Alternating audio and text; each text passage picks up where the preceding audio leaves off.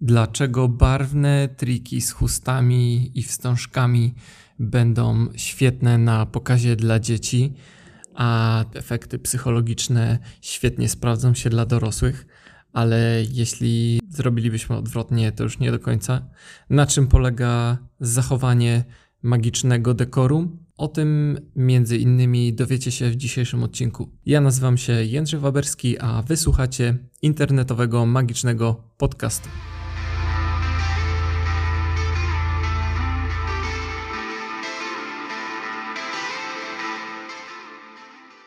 Witajcie w kolejnym już odcinku naszego internetowego, magicznego, Magicznego podcastu. Mówi do Was Król Maciej i... Król Patryk, Ale dzisiaj jest nietypowy podcast, bo mamy jeszcze jednego gościa specjalnego. którego zaraz dowiecie się, kim jest. Ale może najpierw powiedzmy wam, o czym będziemy w ogóle dzisiaj mówić. Porozmawiamy sobie o różnicach pomiędzy magią dla dzieci, A magią dla dorosłych. bo te różnice są całkiem, całkiem znaczne, a im szybciej uświadomimy sobie ich istnienie, tym bardziej będziemy mogli z tego korzystać i będziemy mogli zdywersyfikować swoje pokazy albo wręcz skupić się na jednej dziedzinie. Tak, szczególnie jeśli ktoś y, widział jeden z rodzajów pokazów, albo dla dzieci, albo dla dorosłych, może mu się też wydawać, że magia w każdym wydaniu będzie taka sama. I że magia po prostu albo zawsze jest dla dzieci, albo zawsze jest dla dorosłych. Ale może zapowiedzmy naszego gościa. Nasz gość to ktoś, kto trochę dla tych dzieci występował. Tak, można powiedzieć, że zjadł zęby na pokazach dla dzieci, bo dzisiaj jest już na emeryturze. Jest to osoba, która wykonała prawie tysiąc pokazów dla dzieci. I w pewnym momencie doszedł do wniosku on, że ma tego dość i rezygnuje. E, Idzie na emeryturę. Tak, jak z nim rozmawiałem, to wtedy używał określeń w stylu, co ja robię ze swoim życiem, e, nie mogę patrzeć w lustro, Mam tego dość. mam tego dość. A w jego historii wyszukiwania na internecie było jak najszybciej popełnić samobójstwo. E, tak, i wybrał jednak nie popełnienie samobójstwa, ale mm, przejście na emeryturę i dlatego możemy cieszyć się rozmową z nim. I czerpać z tego, co on wie. Tak, z tej bogatej studni. Zatem przed Państwem, wyjątkowo jako trzeci gość dzisiejszego podcastu, czarodziej Patryk. Dzień dobry! Y, Drodzy słuchacze, jeśli zabolały was uszy, to wiedzcie, że to jest normalne. Kiedy on mówi, to każdego w okolicy zaczynają boleć uszy. Ale nie z niewiadomych powodów. Dzieci zawsze to uwielbiały. I krzyczały. Tak! Dzieci też uwielbiają krzyczeć! Dzieci też tak mówią, że mózg ma ochotę eksplodować od środka! E, Zanim zaczniemy jedno pytanie, panie czarodzieju Patryku. Tak? Czy jest pan z siebie dumny? W jakim sensie? Z tego, że przeszedłem na emeryturę? Trochę tak! E, uszy odpoczęły, prawda? Co? Uszy odpoczęły. Uszki odpoczęły? Uszki nie muszą odpoczywać! Okej. Okej, okay, przehamujmy na chwilkę. E, Tak, panie Patryku, proszę się uspokoić, napić łyczka wody. I co? Nie, panie Patryku, bo pan Patryk jest spokojny. To czarodziej Nie, Patryk. Pan czarodziej jest Patryk, tak, tak, tak.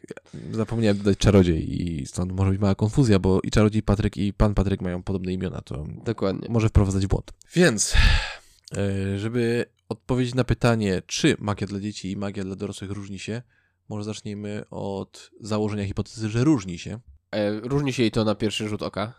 I pierwszy punkt tych różnic to będzie Struktura.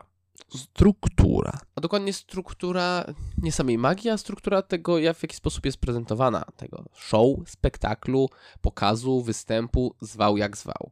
Chodzi o to, że ktoś wychodzi, macha rękami i rekwizytami i robi rzeczy, które ludziom się podobają i mówią, o, magia, nie wiem jak to zrobiłeś. Dokładnie tak. I jeśli chodzi o magię dla dzieci, to główny nacisk w takiej prezentacji powinien być na wspólną zabawę z dziećmi. Bo dzieci lubią się bawić. Chyba wszyscy możemy się zgodzić. No, z tego co widziałem, to tak. Nigdy nie zapomnę, jak byłem na występie pana czarodzieja Patryka kiedyś i dziecko weszło na krzesło i z, z szaleńczą zapasją szarpało za oparcie tego krzesła, co wyglądało jakby miało za chwilę się wywrócić i to krzesło miałoby je zabić. I czarodziej Patryk wtedy powiedział mi, to jest normalne. Tak, to wszystko jest bardzo normalne. I chyba nawet pożądane, nie? Tak, tak. Z tego co wiem. Tak, zgadzam się z tobą, panie Patryku. O, dziękuję czarodzieju Patryku. Więc tak, dzieci mają szaleć, krzyczeć i chcieć wydrapać sobie nawzajem. No, a nie, dobra, tego może nie. Ale mają szaleć, krzyczeć i cieszyć się tym, tak żeby rodzice z daleka słyszeli, że bardzo dobrze się bawią. Ogólnie rzecz biorąc, dzieci inaczej się cieszą niż dorośli, więc mogą tak robić. Czy Jest to- to też społecznie akceptowane. Czy to wynika z tego, że one jeszcze nie rozumieją e, społecznych ram i tego, jak się bawią ludzie w grupie? O, bardzo ciekawe spostrzeżenie, ma, panie Macieju. Tak, dokładnie tak to działa. Dzieci dopiero uczą się świata i nie wiedzą jeszcze jak reagować na takie rzeczy jak magia, A czy, pokaz, spektakl, bycie w jakimś teatrze. czyli w pokazach dla dzieci ważniejsza jest magia, e, za, dobra zabawa niż magia, bo dla dzieci chyba wszystko jest magią, prawda? Tak, dzieci jeszcze nie wiedzą jak funkcjonuje świat, więc każde nowe odkrycie jest dla nich magiczne i dlatego trzeba się z nimi bawić. E, czy można śmiało założyć, że nie wiem, umiejętność żonglowania, czyli podrzucenia trzech piłeczek w powietrze, dla dziecka będzie tak samo magiczne jak e, przeteleportowanie podpisanego pierścionka do zamkniętej szkatułki? Absolutnie! Dobrze, to może ja przejmę teraz. E, wydaje mi się, że tutaj macie mówić dobrze z czarodziejem Patrykiem. Tak, dzieci nie dostrzegają tej magii, m, którą dostrzegają dorośli w tych iluzjonistycznych wyczynach. Mam migrenę. Właśnie ja też, dlatego e, wyrzuciłem go na chwilę spokoju. I e, dzieci postrzegają świat jako coś naprawdę magicznego. Wszystko jest dla nich odkryciem, nie wiedzą jeszcze jak co funkcjonuje, nie znają praw termodynamiki i ogólnie fizyka jest im zazwyczaj obca, więc bardzo łatwo jest im pokazać coś, co dla nich będzie zupełnie niewytłumaczalne. Co więcej, dla niektórych dzieci, y, z tego co wiem, pewne fenomeny, które dla dorosłych są absolutnie niesamowite, dla dzieci są całkowicie normalne. Bo jeżeli mówisz, że znikniesz monetę, wkłada, przekładasz monetę do ręki, mówisz, że ona zniknie i ona znika, Tak, no to przecież to normalne, monety znikają. Monety pojawiają się dzieciom z, za uszami, w nosie, wszędzie. To jest zupełnie normalna rzecz dla niektórych dzieci. Ja osobiście wolę leczenie kanałowe zęba bez znieczulenia niż występowanie dla dzieci, ale często w restauracjach zdarzają się, że są dzieci. I odkryłem, że takie głupie, stereotypowe wyciągnięcie monety z ucha, które dla kogoś dorosłego jest niczym, Tak, Dla dla jest dziec- zbyt stereotypowe. Tak. dla dziecka powoduje, że dziecko prawie urywa sobie ucho, sprawdzając, czy nie ma tam większej ilości monet. Tak, dobrze wykonane wyciągnięcie monety z ucha może być naprawdę magicznym przeżyciem. Co, jest, co nie przestaje mnie zdumiewać. Więc dla dzieci ważniejsza jest dobra zabawa. Taka karnawałowa, taka dzika, szalona, Tak, taka, w której rzeczywiście mogą e, popuścić wodze swojej fantazji i których nikt nie będzie ich ograniczał, nie będzie mówił siadaj, uspokój się, nie rób tego tak. Tylko takie po prostu, że będą mogły się bawić tak, jak akurat czują. Bo mam wrażenie, że taka zabawa grupowa, nie wiem, jak pierwsze co mi przychodzi do głowy to klaskanie u Rubika, czy w jaka to melodia, że siedzą dorośli z tymi minami i całkowicie spontanicznie w jednym rytmie klaszczą i są wszyscy tacy uśmiechnięci. Dzieci by się tak chyba nie mogły bawić, nie? Nie, raczej nie. Dzieci raczej wolą wchodzić jedno na drugiego, przepychać się, próbować yy, wyrywać magikowi, jeśli mają do niego dostęp, yy, rekwizyty z rąk. Oczywiście możemy też mieć yy, do czynienia z dobrze wychowanymi dziećmi, które są spokojne i od trzeciego miesiąca życia chodzą do teatru. Aczkolwiek, no jest to bardzo, bardzo mała grupa. I chyba, no, chyba nie o to chodzi w dzieciństwie. chyba nie o to chodzi w dzieciństwie. Dokładnie, więc mamy różnice w strukturze, które wynikają z tego, że dla dzieci ważniejsza jest zabawa. Tak, stąd też bardzo różne powtórzenia, Powtórzenia? Tak, y, dzieci nie rozumieją wszystkiego tak szybko jak dorośli, więc bardzo wiele rzeczy się powtarza, bo są w stanie się cieszyć tym i lepiej zrozumieć, kiedy powie się coś dwa, trzy razy, pokaże się coś dwa, trzy razy i tak po prostu to działa, bo im to łatwiej jest intelektualnie wtedy przyswoić. Czyli to, co dla dorosłych, tak wchodząc na moment porównanie, byłoby dawanie im paliwa do zbierania danych i analizowania i szukania modelu tego, co się wykonało, takiego od, odruchowego. Dla dzieci jest to po prostu powtarzaniem tego samego fenomenu, bo one nie patrzą tak analitycznie aż, tak? Czy się mylę? Tak, tak, wydaje mi się, że można tak powiedzieć. Chyba, że mówimy o siedmiolatkach. Chyba, że mówimy o siedmiolatkach w górę. Nie, nie chcemy przyciągać tutaj y, czarodzieja Patryka teraz, bo... Ale on, jak powiedziałem siedmiolatek, to skulił się w kącie, siedzi i chyba płacze. Tak, tam jakieś szlochanie dobywa się z, właśnie z tego kąta, więc na razie zostawmy go. Bo z tego co wiemy, to y, siedmiolatki potrafią być naprawdę traumatyczne. Ale jeżeli jesteś rodzicem, masz siedmiolatka i jesteś złym człowiekiem, to wynajmij wszystkich magików w okolicy na pokazy dla twojego dziecka. Szczególnie na jego siódme urodziny, ósme, dziewiąte, dziesiąte. Jedenast, przy jedenastych, z tego co wiem, to dzieci już zaczynają się uspokajać, ale od siódmego do dziesiątego roku życia te cztery urodziny, jeśli chcesz, jeśli naprawdę nie lubisz jakiegoś magika, zaproś go na jedne z tych urodzin. E, gwarantuję ci, że to będą dobrze wydane pieniądze. Oj tak. A Ale- magik wszystko wyda na leczenie psychiatryczne. Uroki takiej pracy. Tak, więc mamy różnicę w strukturze, różnicę w postrzeganiu magii. Czy są jeszcze jakieś różnice? Em, tak, są. Jeśli spojrzymy na rekwizyty z jakich korzysta magik dla dzieci, to zauważymy kilka rzeczy. Przede wszystkim zazwyczaj one są o wiele bardziej kolorowe, bardziej y, takie szalone, bardziej wymyślne. Plus zazwyczaj jest ich dużo, dużo więcej. Bo dzieci się nudzą. Dzieci dopiero uczą się świata, tak jak powiedzieliśmy. I dla nich nóż może służyć tylko i wyłącznie do smarowania kanapki masłem. Nie czegokolwiek masłem, nie kanapki czymś innym, ale ka- kanapki konkretnego rodzaju chleba, konkretnego rodzaju masłem. I dzieci często, jeśli widzą jakiś rekwizyt, to on już, on już zawsze będzie kojarzył im się z jedną konkretną rzeczą, którą magik z nią zrobił. I tak na przykład dzieci, jak widzą karty, często mówią, już to widziałem, ja to znam. No niektórzy dorośli też tak mówią, ale Tak, ale o wiele częściej dzieje się to przy dzieciach. Bo dorośli jednak wiedzą, że za pomocą młotka można zrobić dużo więcej niż tylko wbić gwoździa. I dużo gorsze rzeczy też można zrobić niż wbić gwoździa. W każdym razie, przy dzieciach te rekwizyty muszą być bardziej zróżnicowane, żeby one się nie nudziły. Bo jeśli im się wydaje, że można zrobić jedną rzecz, i, a my wyjdziemy na środek sceny tylko powiedzmy, nie wiem, właśnie powiedzmy stadium kart, to dla nich to wszystko może pozornie wyglądać w pewnym sensie dokładnie tak samo. I wtedy umrą z nudów, a przy okazji zabiorą nas ze sobą. czarodziej Patryk płacze coraz bardziej. Więc różnorodność i kolorowość rekwizytów sprawia, że show dla dzieci staje się ciekawsze. Automatycznie, tak? Tak, staje się ciekawsze, bardziej angażujące, I ma szansę przetrwać. ma szansę przetrwać i też y, bardziej. Dzieci działają trochę bardziej instynktownie, więc to bardziej y, porusza ich neurony odpowiadające za zmysły. Za zmysły dźwięku, tam wzroku, wszystko co one dostają do mózgu, to, to je jakoś tam y, ten mózg pobudza i s- impulsy elektryczne zostają wysyłane, co dla nich też jest ciekawsze. Rozumiem. Wiem, że ciężko to tak trochę sprowadzać do, do tego, ale wydaje mi się, że jeśli chodzi o dzieci, to warto zdawać sobie z tego sprawę, że te wszystkie ich zabawki, które mają konkretne proste kształty, mocne kolory, mają sens. Właśnie dlatego, że uczą je rozróżniania tych y, rzeczy, kolorów, kształtów i tak dalej w świecie. Ja jak byłem mały, to miałem dwa kamienie. Jeden był ostry, a drugi był tępy, żeby zaostrzyć ten ostry. I to było dobre dzieciństwo. Ura! A magia dla dorosłych. Magia dla dorosłych Jeszcze zanim O. przejdziemy do magii dla dorosłych, jest jeszcze jedna rzecz, która jest moim zdaniem bardzo ważna. Mhm. I nie możemy o niej zapomnieć, bo poza rekwizytami, sposobem pokazywania magii, tą całą strukturą, na scenie pokazu dla dzieci jest jeszcze coś. A dokładnie ktoś. Wykonawca. Taki przykładowy czarodziej Patryk. Panie czarodzieju Patryku, chodź tu pan do nas. Tak. Jestem. Czy pan jest A głupi? to o mnie chodziło? Czy pan jest głupi? Czy do tego za mną? Ale tam nie ma nikogo. Ale to, o to ja, czy nie? Czy pan tak, jest tak, głupi? Tak. Właśnie, właśnie o czarodzieja Patryka chodziło. Ja? Głupi? Ale jak? Więc e, tak, jak drodzy słuchacze słyszycie, e, czarodziej Patryk jest idealnym przykładem tego, że magik występujący dla dzieci jest bardzo naiwny. Nie głupi, a naiwny. Tak, naiwny i nie wstydzi się tego, że jest naiwny. Jest to bardzo klarowne i widać na pierwszy rzut oka, że on coś tam wie, ale często magia dzieje się jemu, się przytrafia, niż on ją robi, co jest też wyborem estetycznym, ale bardzo często jest wy- wybierany dla dzieci. Tak, bo ten motyw też się pojawia w magii dla dorosłych, ale dla dzieci Tak. to jest takie na pierwszy rzut oka to widać. Tak, bo to przez dzieci jest bardzo dobrze odbierane.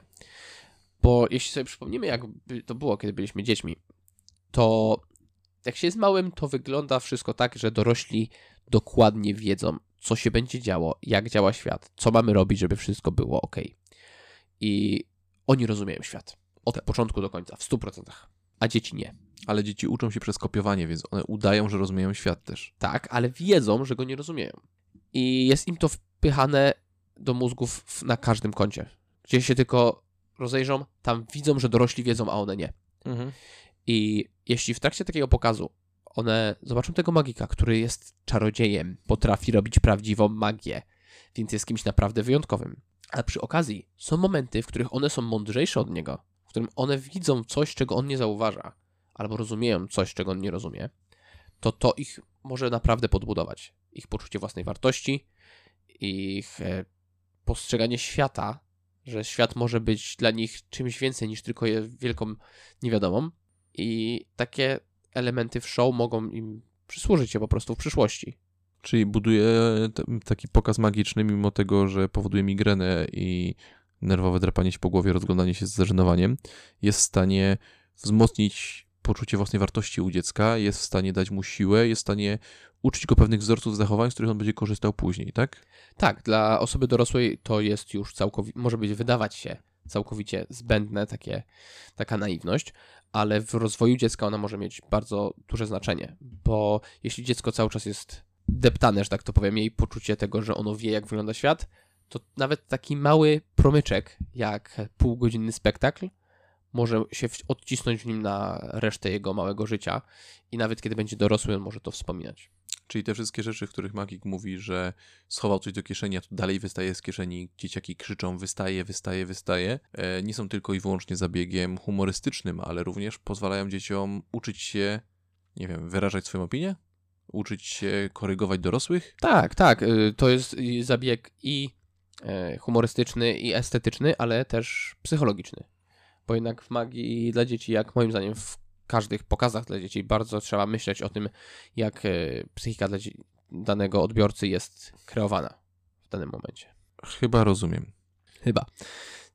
Nie pytajmy czarodzieja Patryka, bo on e, wybiegł z krzykiem, jak zaczęliśmy rozmawiać o psychologii. Tak, aczkolwiek wydaje mi się, że on wie, co mówi, e, wie, co robi, bo to jest bardziej złożony temat niż się wydaje, dlatego kit performerzy są ważnym ogniwem i dlatego tak naprawdę kit performerzy są bardziej popularni niż magicy dla dorosłych, bo funkcja magii dla dzieci może się okazać ważniejsza niż funkcja tych dla dzieci.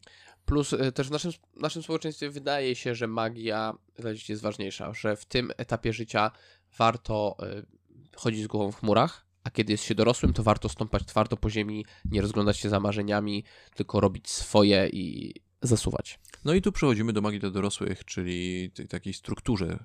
Spróbujmy ją scharakteryzować pokrótce, bo to jest temat straszliwie złożony. I bardziej w naszym tutaj ogródku. Mm, tak, e, i tutaj czarodziej parę graczy nie będzie chyba się musiał nawet wtranżalać. To ja spadam. Na razie. Idę wypoczywać na Bahamach za te wszystkie pieniądze, które zrobiłem na pokazach dla dzieci. Tak, e, tak to, to jest warte że zauważenia, że zarabianie pieniędzy na magii dla dzieci jest znacznie bardziej przystępne. Tak, i mimo, że trzeba się nacharować, tutaj no, nie ma co ukrywać, trzeba się nacharować, to pokazy dla dzieci są o wiele bardziej popularne niż pokazy dla osób dorosłych. Więc, Przynajmniej w naszym społeczeństwie. Tak, ale być może to się zmieni, być może. Więc Może już za tydzień. już teraz w każdym kiosku magii. Liczymy sekundy. Trzy, dwa. Dobra, może jeszcze nie teraz. Tak, więc jeżeli chodzi o strukturę pokazu dla dzieci, taka, znaczy dla dorosłych, pierwsza taka różnica, która mi się rzuca w oczy, to jest spacing, czyli tempo. Tempo, tak, zdecydowanie jest zupełnie inne. jest zdecydowanie bardziej wolne, bardziej jednostajne, bo umysł dorosłych mniej się nudzi. Wydaje mi się, że to dlatego, że u dorośli więcej myślą, znaczy potrafią myśleć, więcej operacji wykonują w swojej głowie. Tak, ich świat wewnętrzny jest też bogatszy o wiele, bo mają już trochę z własnych zebranych doświadczeń, więc są w stanie przeżywać to, co widzą na scenie czy w, w trakcie wykonywania magii i odnosić to jakoś do swojej własnej autobiografii w głowie. I to zajmuje czas. I kiedyś pewnie powiemy o różnicach pomiędzy myśleniu, myśleniem wolnym a myśleniem szybkim, ale tak na ten moment, jeżeli wykonujemy coś za szybko, to dorośli, czyli my wszyscy, podejmujemy błyskawiczne, instynktowne decyzje, którym staramy się ufać. Tak jak jadąc samochodem, jeżeli ktoś nam wyjeżdża na pas, albo sprawia wrażenie, że wyjedzie nam na pas lewy, kiedy e, jedziemy dosyć szybko, od razu wciskamy hamulec i od razu się rozglądamy po lusterkach, czy możemy uciec na pas prawy. I tak samo jest z magią. Jeżeli magia będzie błyskawiczna, będzie bum, bum, bum, to dorośli będą mówili, ok, on wykonał szybki ruch. I on już nie będzie kwestionował tego, tylko będzie miał już decyzję, którą będzie bronił w swojej głowie. Więc konstruując pokaz dla dorosłych, musimy być bardziej stateczni. Tak, i nie doprowadzać ich do krzyku, tak jak doprowadzamy dzieci. Tak, choć jak krzyczą też jest fajnie. Więc Ale to nie jest ten rodzaj krzyku. tak, To, to nie jest ten rozrywający uszy. zdecydowanie. Chyba, że jesteś Davidem Blade'em i nagrywasz Street Magic. O, to wtedy tak.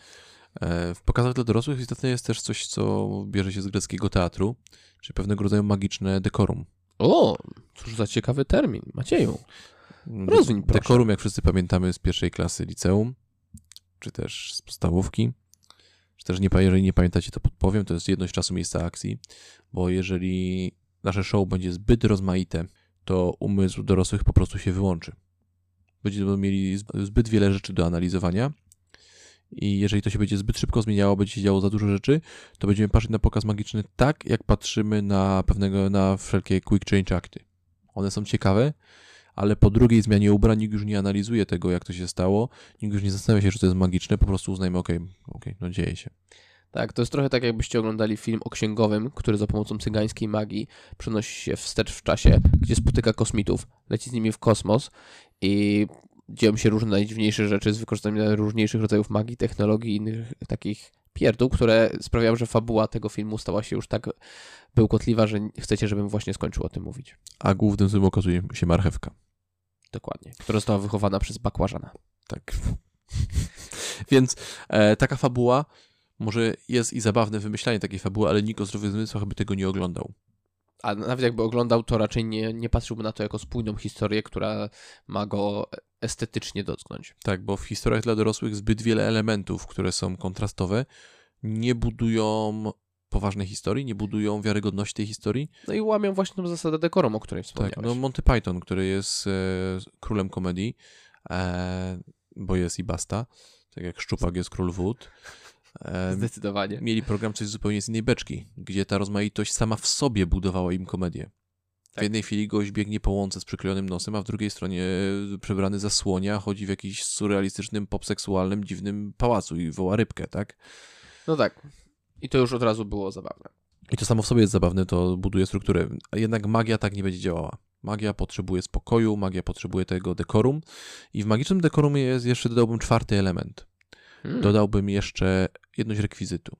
Tak, to jest bardzo kontrastowe do tego, co mówiliśmy o rekwizytach w show dla dzieci, gdzie różnorodność jest bardzo na miejscu. Jeśli chodzi o magię dla osób dorosłych, to jeśli mamy jeden rekwizyt, to możemy na nim zbudować pełne show. Więcej, możemy na jednym rekwizycie zbudować pełną karierę. Tak. Co zresztą możemy zobaczyć, jeśli sięgniemy do Hiszpanii. Tam magia karciana jest bardzo, bardzo rozwinięta. Si, senior. W każdym razie tam są nawet y, teatry, gdzie możemy oglądać typową magię karcianą. E, tak, no, my supermaniaka, jak spotykamy kogokolwiek z Hiszpanii, pytamy go o Tamariza i wszyscy kojarzą pana Tamariza i wszyscy kojarzą jego karty. Tak, wszyscy kojarzą Magia de los Cartas i tyle. I da się to zrobić, gdzie dzieci by już umarły z nudów. Tak. I idąc tym torem, możemy e, skierować naszą uwagę na duże iluzje, bo O. tam jest dosyć duża rozmaitość rekwizytów i duże iluzje są, wydaje mi się, widowiskiem bardzo familijnym. Tu się z tobą zgodzę, bo mimo tego, że często stroje asystentek czy asystentów nie wskazują na to, że to jest dla dzieci też, to Dzieci tak, tego nie widzą. dzieci tego nie dzieci, dostrzegają. widzą, dzieci nie widzą seksualizacji tych asystentek. Tak. Dzieci nie rozumieją, że jeżeli gość rżnie kobietę piłą na scenie, To dla niektórych to może znaczyć coś więcej niż tylko przecinanie jej tak, wnętrzności. doku- dokładnie tak.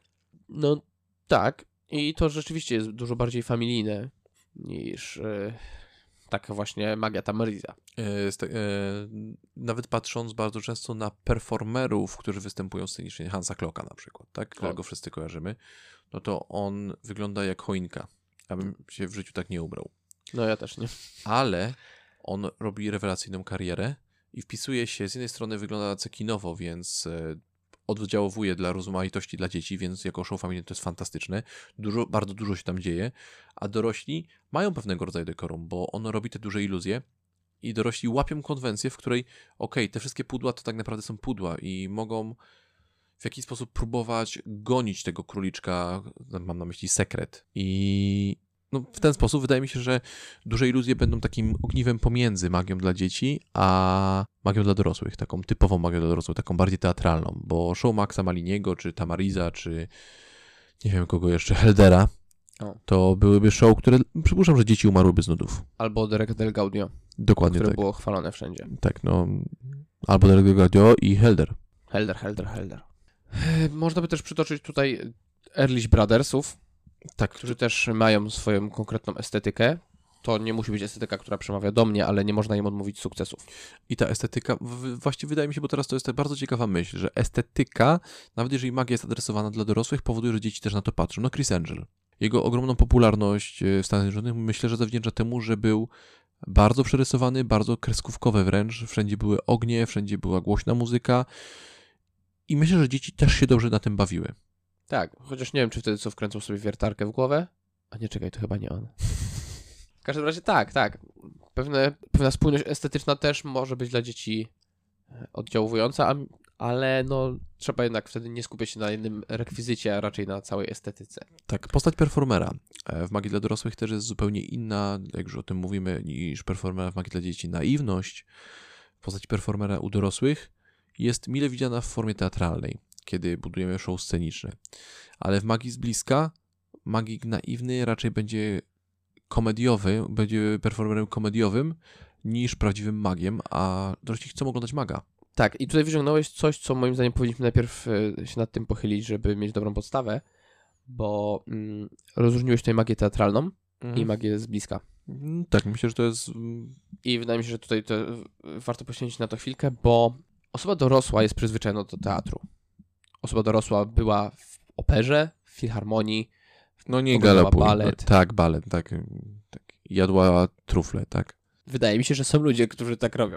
No, no są, ale myślę, że to nie jest norma. Ale była w kinie. Nie chodzi o to. Nie, nie o to mi chodzi. Chodzi mi o to, że ludzie dorośli są zaznajomymi z konwencjami. Tak, rozumiem istnienie czwartej ściany. Rozumieją istnienie czwartej ściany, rozumieją to, że kiedy idziesz do opery, to się ubierzesz odpowiednio, że twoim e, zadaniem jest siedzieć i podziwiać to, co się dzieje przed tobą.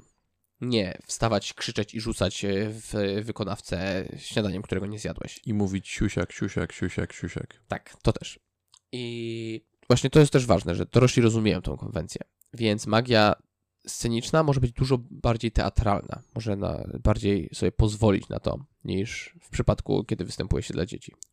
E, Bo dzieciaki w ogóle nie wiedzą, nie, nie zdają sobie sprawy z tego, że istnieje czwarta ściana. Dla nich to się po prostu dzieje, tak? Tak, bardzo dużo ludzi dorosłych nawet nie uświadamia sobie istnienia czwartej ściany, ale podświadomie poprzez proces socjalizacji zaczynają ją rozumieć. Tak. Wiedzą, jak ona funkcjonuje. Nie musisz znać nazwy tego terminu, ani zasady działania, żeby się zachowywać zgodnie z tym terminem. Dokładnie tak. E, W przypadku dzieciaków nie możemy burzyć czwartej ściany, więc e, wszelkiego rodzaju zabiegi burzenia czwartej ściany, które, które dla dorosłych działają fantastycznie Tak, i mogą, i mogą zrobić show. I bardzo często obserwujemy, jak robią. E, W przypadku dzieciaków nie. Ale wracając, bo chciałeś rozróżnić magię sceniczną od magii z bliska. Tak, tak, bo y, magia z bliska też ma swoją konwencję. I wydaje mi się, że tutaj właśnie ona występuje w ten sposób nieuświadomiony, jak teraz mówiliśmy. Bo magia z bliska y, bazuje nie na konwencji teatralnej, jakiejś takiej zastanej. Ona bazuje na konwencji naszej codziennej, szarej rzeczywistości, do której jesteśmy przyzwyczajeni. Magik pojawia się u nas w jakimś kontekście, w którym go mamy okazję zobaczyć i pokazuje nam, że ten świat, do którego jesteśmy przyzwyczajeni, który jest normalny, szary, nudny wręcz, wcale taki nudny nie jest. Że można z niego wyciągnąć troszkę więcej. Tak, to znaczy o tym to ja w ogóle myślę, że powiemy w zakończeniu, bo ludzie często mówią po pokazie magii poczułem się jak dziecko. A to też jest ciekawy Tak, temat, ale i- tak, to tak, zdecydowanie na zdecydowanie zakończenie. Ale wydaje mi się, że to też warto wspomnieć, że taka konwencja istnieje, mimo że nie jest uświadomiona przez większość społeczeństwa. Więc w magii dla dorosłych możemy grać z konwencjami, bo one Tak. istnieją w jego głowie. W magii dla dorosłych istnieją programy, istnieją presupozycje, istnieją założenia i możemy z tym wszystkim się bawić. W przypadku dzieci musimy im to mówić i, i tyle. Tak, bo ten proces, słynny proces y, socjalizacji został już mniej więcej zakończony u większości dorosłych i możemy na tym budować, na tym fundamencie.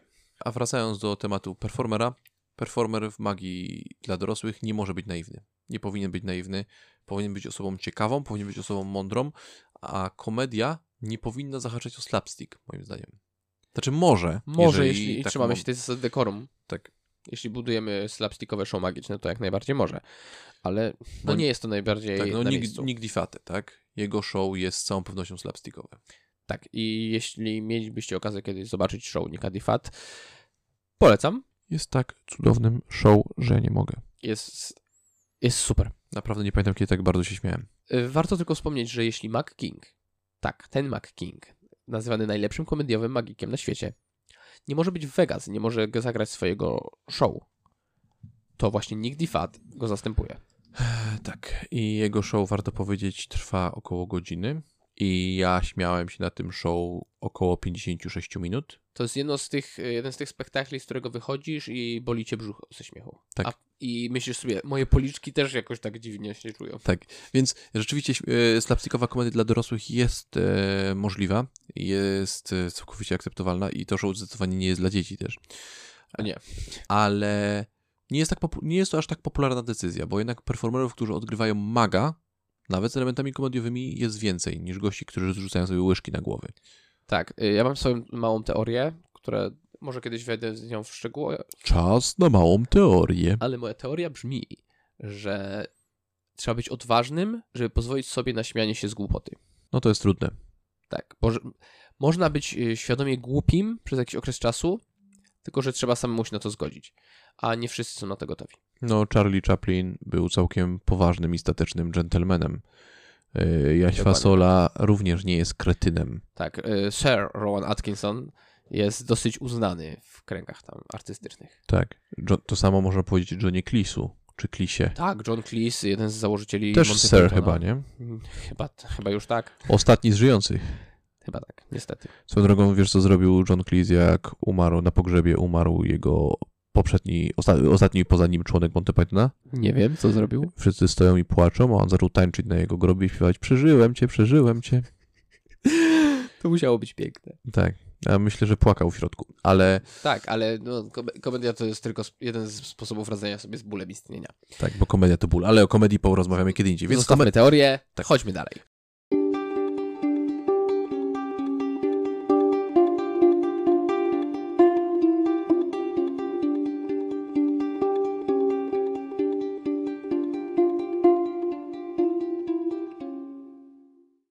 Więc komedia dla dorosłych jest po prostu inna, chyba że chcemy, żeby była taka sama, ale jeżeli jest taka sama, to musimy ją okrasić czymś innym i nie możemy być. No, musi być inni. Struktura tego show jest po prostu inna. Bo nie zapominajmy, nie zapominajmy o tym, że dorośli wiedzą, że magik jednak jest osobą z naszego świata i przynajmniej w, cze- w części podlega prawom tego świata, więc nie możemy też za bardzo z tym poszaleć. Okej, więc mamy inną strukturę. Jeżeli chodzi o magię dla dzieci, to na czym skupia się ta magia? Nie wiem, Bo Macieju, może masz jakąś teorię? właśnie temat? y, spróbuję powiedzieć o co chodzi, bo o magii dla dzieci to ja wiem tyle, co o rozmnażaniu mszyc, czyli relatywnie wiem, że się dzieje, bo mszyce istnieją. Ale bo w magii dla dorosłych ważne jest przeżycie, ważne jest spotkanie kogoś niezwykłego i ważna jest historia, którą możesz opowiedzieć. Tak, to zderzenie z niesamowitością. Tak. I to są trzy rzeczy, o których można by, o każdym z nich można by nagrać po 10 podcastów, mimo że są takie dość oczywiste. Można je ująć w jednym równoważniku zdania. Tak, dorośli chcą przeżyć coś niezwykłego, dorośli chcą spotkać się kogoś niezwykłego i dorośli chcą móc opowiedzieć coś niezwykłego później. I jeżeli w swojej magii, drogi iluzjonisto, zadbasz o to, żeby te trzy punkty były spełnione, to może być pewien, że twój widz bądź klient będzie szczęśliwym widzem albo klientem, a ty będziesz zamożnym magikiem, gdy tylko pandemia się skończy. Zgadzam się. A w przypadku dzieci, W przypadku dzieci, tak jak mówiliśmy, najważniejsza jest zabawa. tylko zabawa. Niesamowitość nie gra takiej roli, bo dla nich wszystko jest niesamowite. Wszystko jest nowe, kolorowe i barwne, magiczne, bla, bla, bla, bla. Można tutaj synonimów rzucać, ale wiecie, do czego to się sprowadza. Tak. Czyli mamy to, mamy to. Wydaje mi się, że jest jeszcze jedna bardzo ważna rzecz, o której warto wspomnieć, która jest, moim zdaniem, jest niezbędna przy wykonywaniu magii dla dorosłych. Przy wykonywaniu magii dla dzieci najlepiej, żeby też była, ale przy wykonywaniu magii dla dorosłych jest niezbędna. Cóż to? magik musi szanować swoją sztukę, bo jeśli nie będzie jej szanował, to widz to poczuje. Widz to zobaczy, widz nawet może to usłyszeć od niego bezpośrednio, bo magicy często ci, nie, nie tacy dobrzy magicy, ci, którzy zazwyczaj nie wytrzymują w tej karierze i zmieniają pracę, mogą się śmiać z tego, co robią. Wewnę- wewnątrz siebie. E, chodzi ci o to, że cynizm jest bardzo złym zjawiskiem, tak? Cynizm lub wręcz wstyd y, magika przelewający się, bo nie zapominajmy, że kariera magika nie jest społecznie zbyt normalna i on może czuć presję ze swojego społeczeństwa. Mhm. I to może przekładać się w jego brak szacunku do tego, co robi. Mówimy o magii dla dzieci, Nie, o magii dla dorosłych. o magii dla dorosłych. Tak. Okej. I jeśli magik nie, nie szanuje tego, co robi, to moim zdaniem obraża tym swojego widza. Znaczy, jeżeli masz z tym problem i jesteś magikiem dla dorosłych, bo magii dla dzieci, tak jak powiedziałem, wiem tyle co o rozmnażaniu koników polnych, I tam wydaje mi się, że to jest miejsce na coś takiego. Nie za dużo, ale jest. to w przypadku magii dla dorosłych, jak nie popaść we wstyd za bycie magikiem? Jeden prosty sposób. Kliknij teraz. Psychoterapeuci magików go nienawidzą. Odkrył, jak za pomocą jednego prostego sposobu pozbyć się wstydu z magii na zawsze. Otóż, podaję recepturę. Rób to na poważnie, inwestuj w swoją bibliotekę, kupuj rekwizyty, staraj się wiedzieć maksymalnie wszystko. Nie przeczytasz wszystkich książek i nie nauczysz się wszystkich efektów, ale to jest tak samo jak z alkoholem i kobietami. Nie da się wypić całego alkoholu i iść na randkę z każdą kobietą, ale warto próbować. To samo dotyczy magii.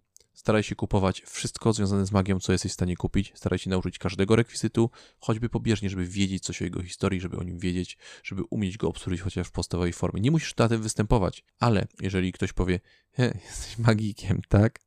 I wejdzie do twojego biura i zobaczy uginający się pod ciężarem opasłych tomów bibliotekę, e, półki twojej biblioteczki, zobaczy skrzynie pełne rekwizytów i zobaczy, że ty nie tylko mówisz, że ćwiczysz 15 godzin na dobie i oglądasz szkolenia przez 18 godzin na dobę, a potem występujesz przez 60 godzin w tej samej dobie, tylko zobaczy, że ty naprawdę ćwiczysz. Zobaczy, że naprawdę masz umiejętności i zobaczy, mówimy tutaj o twoich znajomych, bo to o, o, o, o nich możemy Tak, zahaczyć. widzowie widzą cię na scenie, tak jak Widzowie, nie poznają twojej osoby. A ta, ta zakulisowa właśnie magia, o której, której się rodzi wstyd moim zdaniem, jeżeli zobaczą, że naprawdę jesteś true in that, to będziesz, oni będą cię podziwiać i ty będziesz mógł być z siebie dumny, a nie będziesz odczuwał wstydu. Bo warto pamiętać o jednej prostej rzeczy, którą można dodać do tego jednego prostego sposobu. Magia jest sztuką. Magia jest medium. I tak jak kiedyś ludzie śmiali się z komiksów, to dzisiaj graphic novel, czy jakkolwiek powieść graficzna, jest popularna, jest szanowana i uznawana za medium, w którym można przekazywać poważne idee. I tak samo było z kinematografią. Film nie zawsze był szanowany. Nie zawsze był czymś, co rzeczywiście może dotknąć odbiorcę. Jak samo jak każdy przejaw sztuki. E, tak, no, no tutaj dam jeszcze jeden przykład, który a propos tego, co mówisz, który jest może mniej chwalebny, ale bardzo adekwatny. Disco polo. Hmm. Muzyka ludowa, muzyka ludyczna, muzyka, powiedzmy, sztuka taka nazwana sztuką niską, sztuką plebejską, e, dawno, dawno temu w kręgach szlachty była uznawana za pożałowania godną. Ale ci artyści, którzy ją wykonywali, robili to non-stop. I dzisiaj disco polo ma ogromne miejsce w całej kulturze i nie wygląda jakby miało zniknąć. Tak samo pewnego rodzaju ludowe instrumenty. Tak samo pewnego rodzaju ludowe instrumenty, na przykład tin whistle, czyli Flażolet. flażolet, mówiąc po polsku, dzisiaj jest szanowanym instrumentem. A kiedyś to była taka Fujarka. fujarka, na której przygrywał grajek idący przez pole. Tak, bo irlandzki, który miał za chwilę bicie z Anglikami, tak? A dzisiaj jest to część cywilizacji. I to dosyć ważna. E, Więc y, magia nie powinna budzić wstydu. Powinniśmy ją robić poważnie, powinniśmy podchodzić do tego poważnie wtedy ludzie będą podchodzić do nas poważnie. Tak, powinniśmy szanować to, co robimy i powinniśmy szanować naszych odbiorców i, wtedy możemy się spodziewać tego samego Tak. z powrotem. A jeżeli występujesz dla dzieci i jesteś debilem na scenie, Panie Patryku, chodź pan tutaj. Jestem tutaj przecież A, ten czas. nie, przepraszam, czarodziej Patryk. Czarodzieju Patryku, chodź pan tutaj.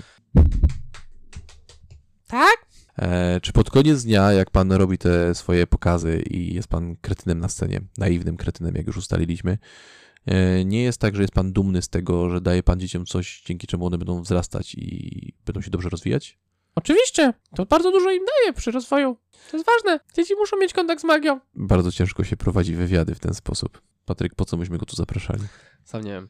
No dostanę tą pizzę. E, Proszę. Dobrze, dobrze. E, je- już jeżeli, jeżeli jesteś performerem dziecięcym, to robisz coś bardzo ważnego. I to, że masz slapstickowy humor i jak wychodzisz od, z otwartym rozporkiem, z którego wystaje ci koszula i dzieciaki się z tego śmieją, to jest okej. To jest okej i to jest bardzo na miejscu, bo to jest też dla nich ważne.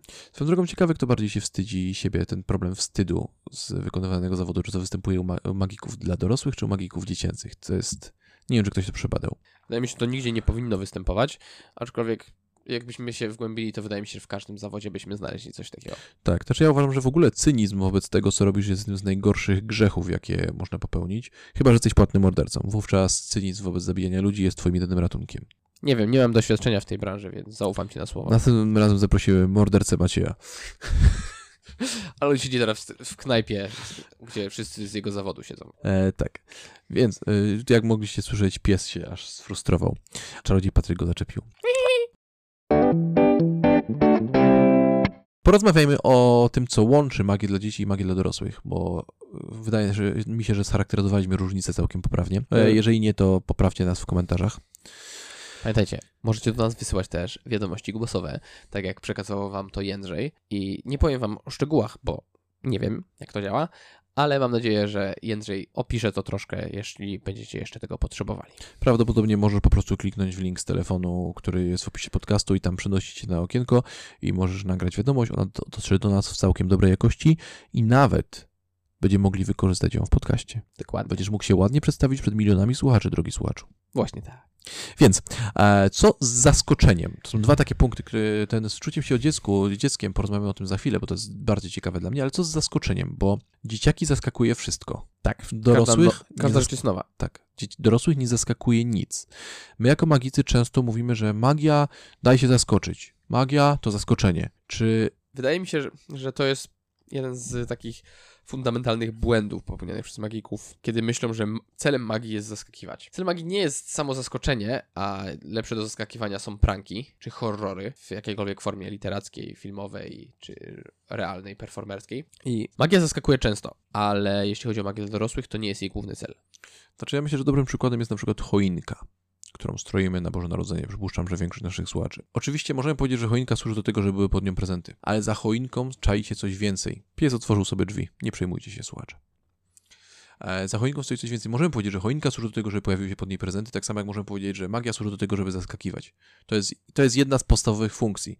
Tylko, że zwracanie na to uwagi jest bardzo krótkowzroczne, bo choinka służy do tego, żeby rodzina ubrała ją razem, żeby było pięknie, żeby było niezwykle, żeby stworzyć klimat, Żeby zapach tego drzewa niósł się po domu. tak.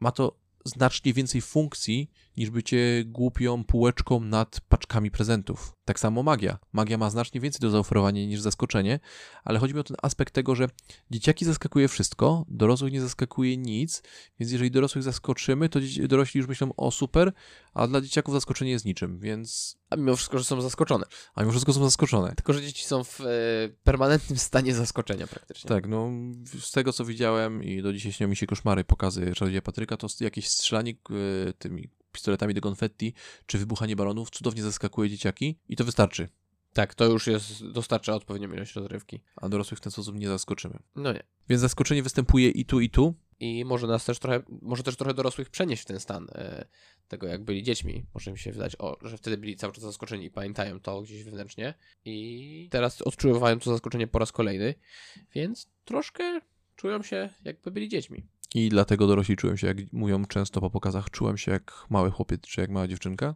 Wydaje mi się, że to może być jeden z powodów. Znaczy, myślę, że to jest jeden z powodów. Myślę, że drugim powodem jest to, że dorośli odkrywają, że mogą zaskoczyć się przedmiotem, którym wiedzą, że nie mogą się zaskoczyć.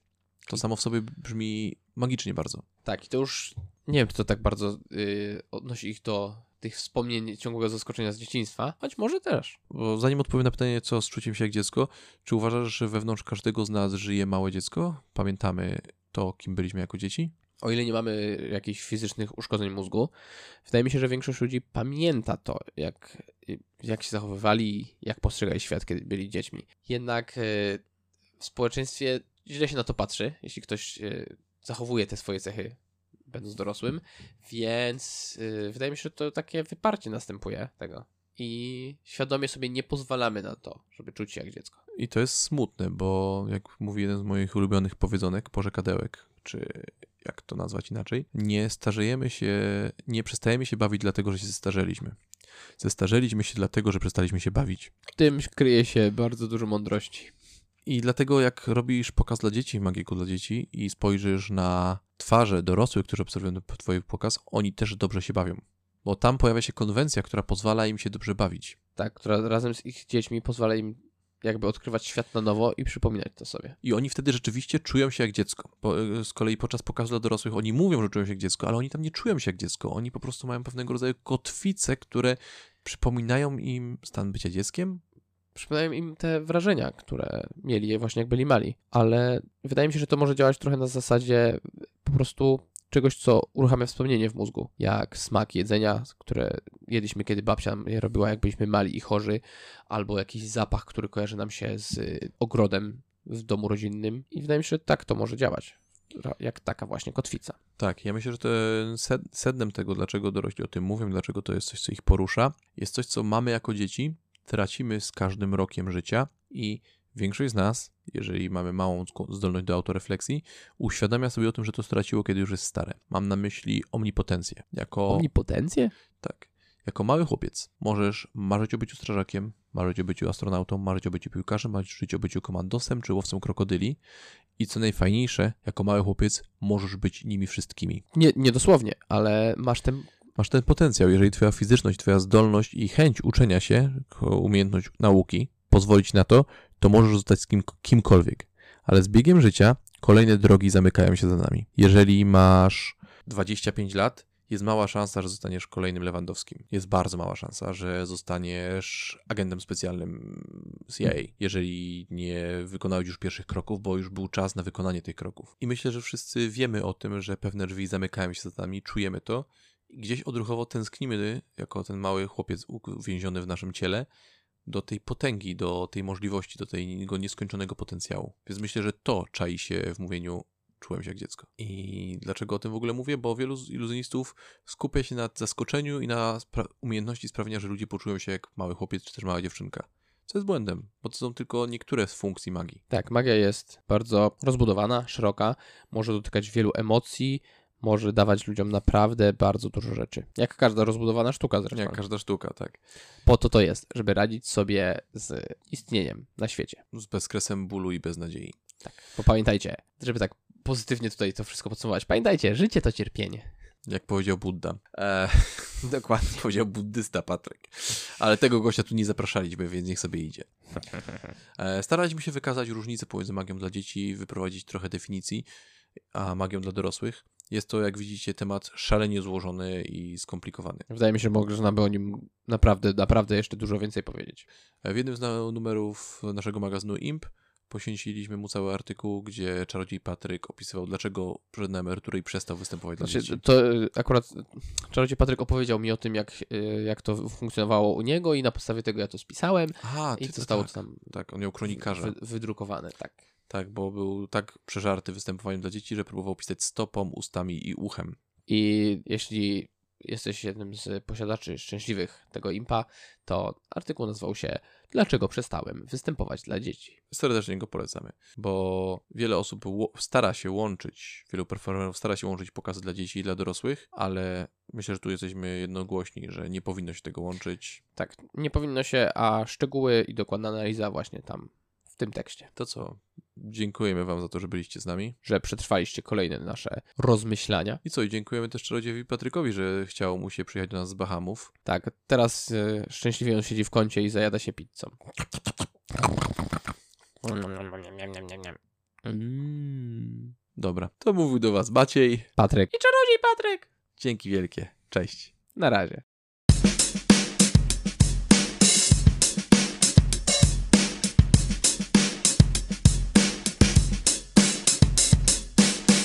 Halo, tutaj studio. Witam Was ponownie, drodzy słuchacze. Dzisiejszy odcinek był troszeczkę taki, chciałem powiedzieć edukacyjny. No, w zasadzie każdy nasz odcinek ma być e, odrobinę dla Was edukacyjny, ale mam nadzieję, że dobrze zarysował Wam granice między tym, co sprawdzi się na pokazach magicznych dla dzieci, a tym, co będzie działało dla dorosłych i dlaczego to jest tak, że no nie każdy iluzjonista, który e, ma świetny kontakt e, z dorosłymi, będzie automatycznie super iluzjonistą dla dzieci.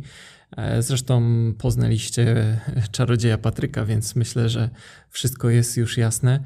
Poza tym, tak jak tutaj panowie wspomnieli, nie chodzi o same rekwizyty czy, czy sam rodzaj prezentowanych fenomenów, ale po prostu to, że dzieci faktycznie zazwyczaj te najmłodsze zachwyca wszystko, w sensie każde nowo poznane zjawisko, nowo y, zobaczona, dostrzeżona rzecz, e, tak samo je zachwyca. I no one dopiero jakby poznają świat, więc, więc y, większość rzeczy wprawia, wprawia je w zdumienie. I moi znajomi o tym dobrze wiedzą, ale mi myślę, że, że pozostała, pozostał taki element e, właśnie z dziecka, że za każdym razem, kiedy widzę na przykład przelatujący samolot, to jestem pod takim wrażeniem, że takie wielkie, no nie wiem, tona żelastwa i takie coś unosi się w powietrzu to myślę, że dzieci mają tak z większością rzeczy e, i to nie tylko dlatego, że działają jakieś prawa fizyki niewyjaśnione, ale po prostu no, ich mózg jeszcze nie jest przyzwyczajony do pewnego rodzaju sytuacji e, i do pewnego rodzaju zdarzeń. I na przykład jest, jest też coś takiego, e, zjawisko, które między innymi tłumaczy na przykład, dlaczego dzieci mogą nie być zdziwione, kiedy z dłoni magika zniknie moneta, bo jest taki termin jak object permanence, czyli można to tłumaczyć jako trwałość obiektu. I jest to zjawisko, które jakby tłumaczy to, że obiekty, przedmioty fizyczne e, znajdują się tam, gdzie były, nawet kiedy ich nie widać. Czyli jeśli włożymy coś do zamkniętej dłoni, to, to nadal tam jest, zgodnie z prawami fizyki. I teraz zazwyczaj iluzjoniści właśnie sprawiają, że dana e, rzecz znika, natomiast dzieci nie wiedzą, że jeśli coś zostaje zakryte, e, to nadal powinno się znajdować w tym miejscu. Stąd y, możliwy u nich jest y, właśnie brak zdziwienia. I dlatego, tak jak panowie wspomnieli, na przykład y, szuka się takich elementów, które wprowadzają pewien rodzaj zabawy w show, w pokaz, które mm, wywołałyby emocje u dzieci w inny sposób. Ale mam nadzieję, że te różnice wszystkie zostały dla Was dość jasno zarysowane, że rozumiecie dekorum, e, bo dekorum w ogóle wywodzi się od słowa, że taki proper, czyli właściwy, e, czyli że wszystko musi być jakby dopasowane do, do grupy odbiorczej. E, I stąd, I stąd te show tak bardzo się różnią. Nie możemy jechać z tym samym programem magicznym do, do dzieci, który prezentowaliśmy poprzednio dorosłym.